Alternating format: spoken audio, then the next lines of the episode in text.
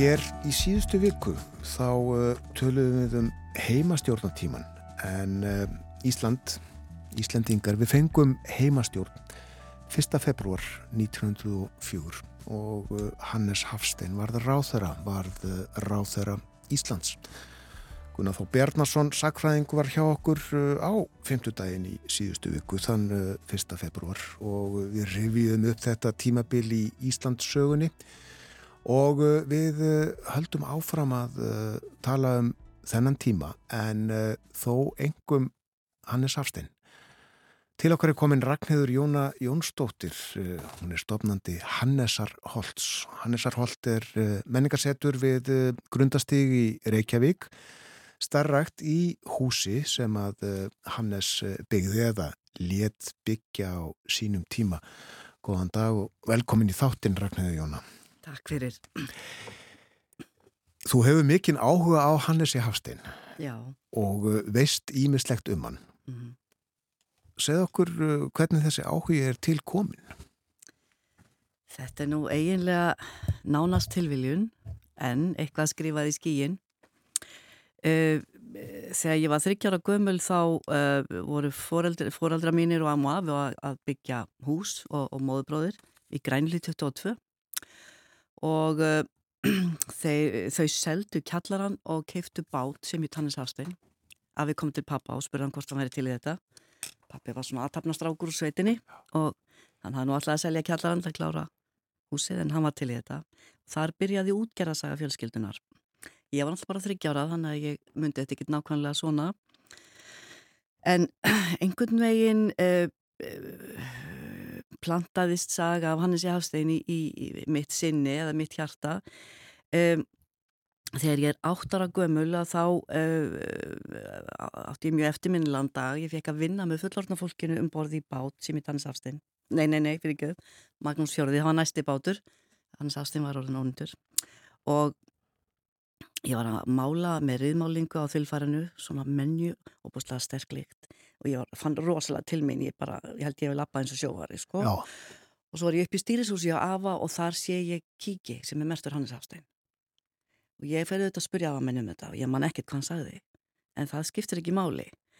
En nú spólum við aftur til 2007 og þá komum við inn í þetta stórmerkilega hús mér fallegra heldur en flest gömul hús sem maður hefur séð en það var nánast að verða ónýtt og þá bara fekk ég eitthvað, eitthvað, eitthvað svona það gerir stundum, þá fekk ég bara svona eins og bara svona höggi í hjartað.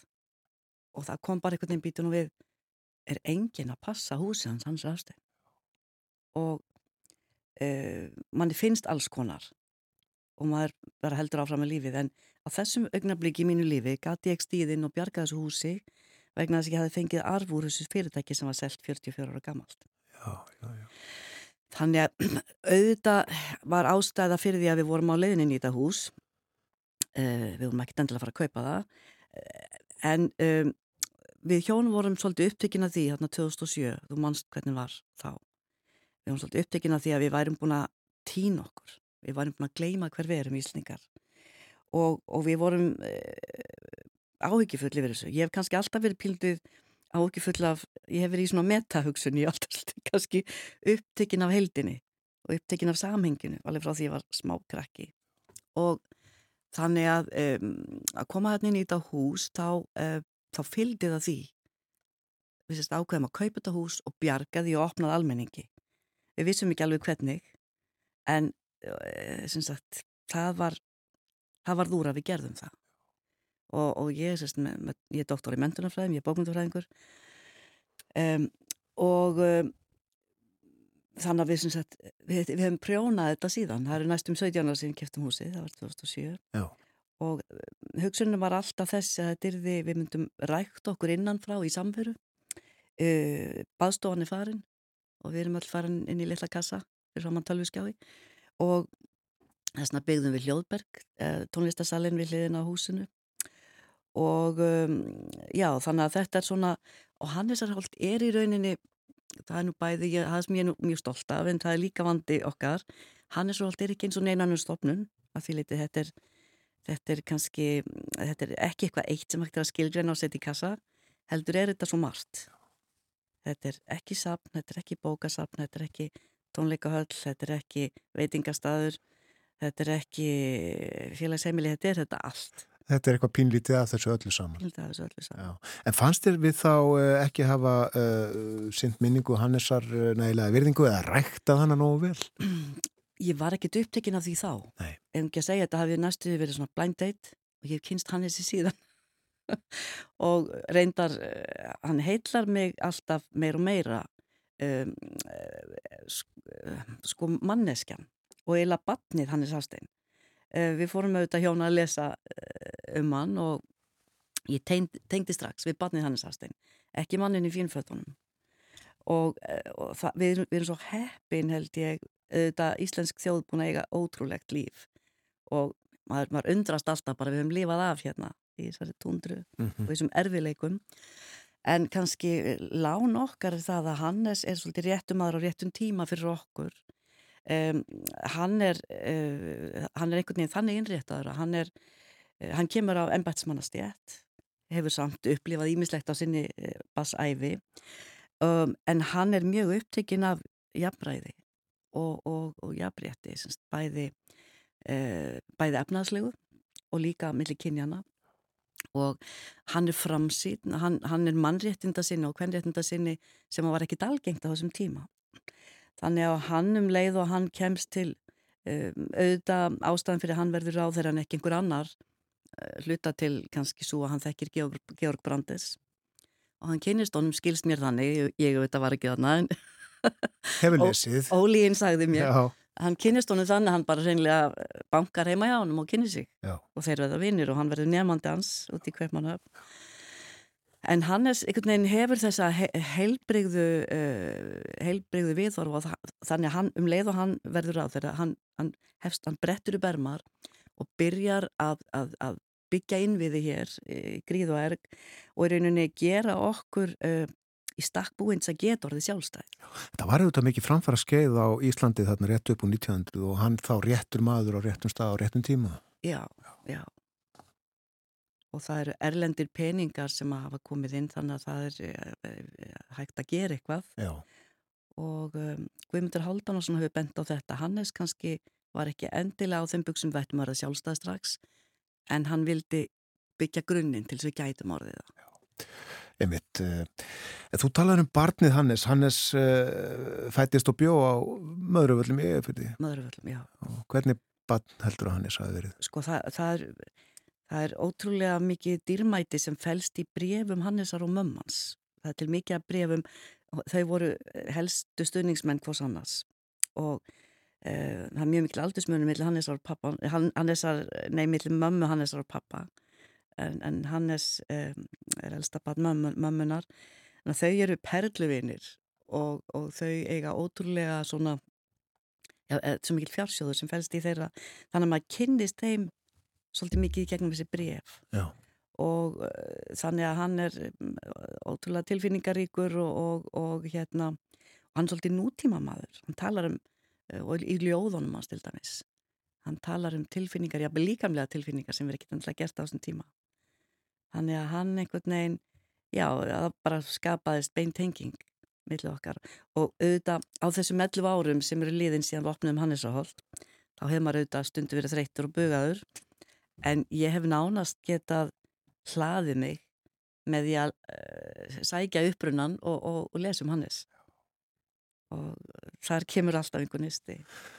Hressandi. Hannes uh, bjó í ráþrabústanum við Tjarnagötu. Já. Húsi sem var flutt vestan úr frá, frá flatri eður önundafyrðinum. Já. Þið farið yfir íbúa sögu Hannesar á vef Hannesar Holtz og þar kemur í ljós sem ég vissi ekki en, en þið, auðvitað, hann bjó ótrúlega víða um æfina. Já, hann bjó mjög víða og hann Hann bjó, vist, uh, segir sagan, hann býr sjö síðust æfi árin þarna í Hannesólti, eða það hérna alltaf bara grundast í tíu þá. Já. en hérna, um, hann bjó vist hverki lengur en þarna. Um, þannig að, og hann byggir þetta hús, hann er á 55 ára gammal, ekkil með áttaböðn, búin að fá heila blóðfall einsinni. Og hann er bankastjóra á þessum tíma þannig að hann hefur fjárráð.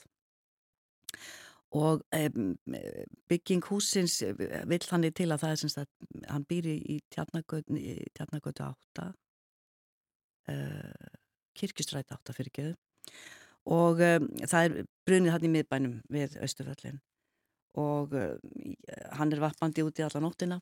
Ég held hann hafi vilja koma börnunum sínum í skjól því hann, yngsta barni þegar konans degir 1913, það er yngsta barni hálsás þannig að yngsta barni þarna er tveggja hálsás um, og uh, ég held að hann hafi viljað koma börnunum sínum í skjól.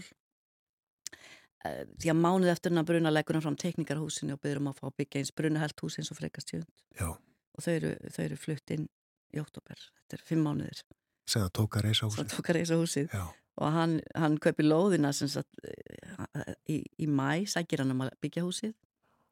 Í uh, júni kaupir hann lóðina af litlu grund á þingásæti 27 Seinum sumari selur hann borginni ræmu af loðinni sinni fyrir göttuna skálholtstík og svo bara flytjaði inn í oktober og fjórða desember heldur hann upp ámali sitt, búið að hengja upp myndir og fánað upp um veggi og að því að í húsinu eru svo fallegir listar í, í loftónum, við veitum nákvæmlega hvað hann stóð að því það er ekki eins eh, listar í neinum tveimur herbergjum en hann stóð þar sem að píanóð er núna í, ve í veitingarstofu hann er svolít. Já, stóðan, já, já.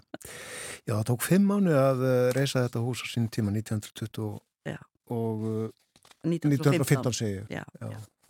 Það er ótrúld að heyra það. Já. Hann lést 1922. Uh, hvað uh, var svo í húsinu? Vestu það þarna fram til fram á þessa já. þegar þið egnist það? Húsið er íbúarhúsi hérna 92 ár en, og, og það bygguð hérna á bylinu 1 til 28 manns ein gömul kona í kringum 90 Andrea Helgadóttir en um, og við sem sagt kaupum húsið af um, það er í eigu sömu fjölskyldu frá 29 til 2007 Já, og alltaf íbúðahús Alltaf íbúðahús en, en alls konar starfsum í húsinu eins og í mörgum húsum hann í kring. Það var uh, Hannes, bróður Hannes er hérna með lögfræðstofu síðar er þarna þetta er leikt út til alls konar hluta.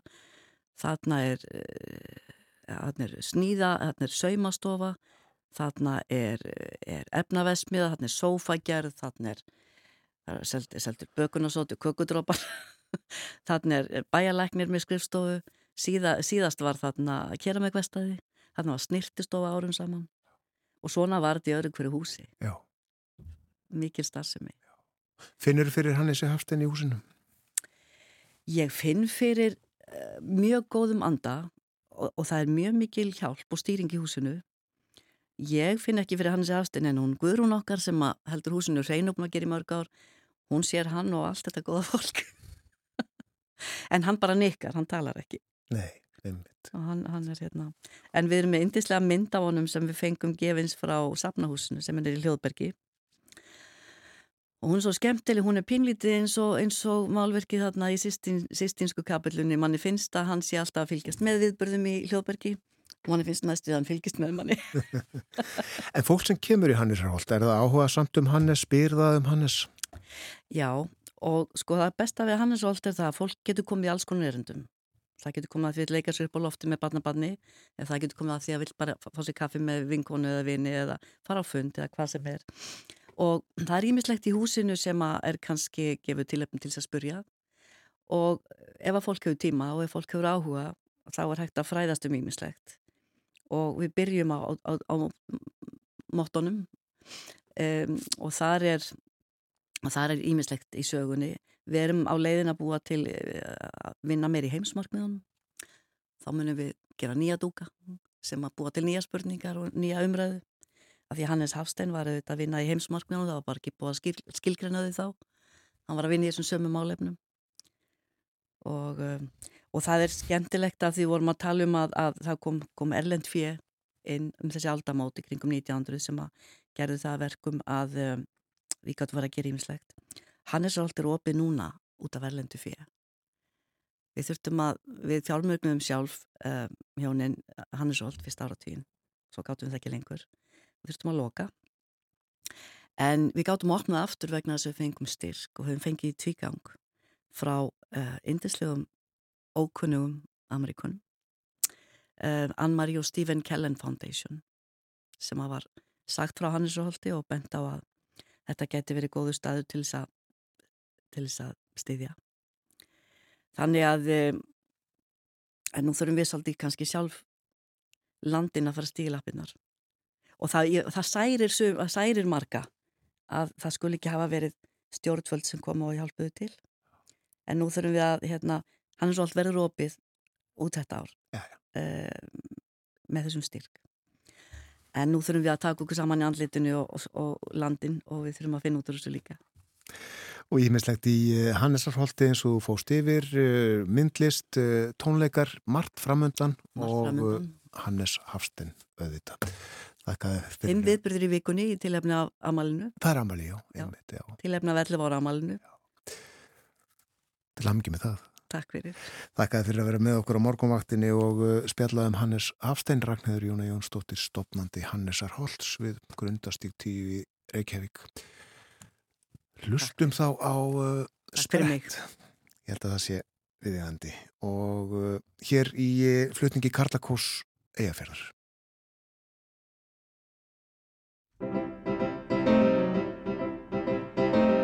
Ég verst af áki frá hann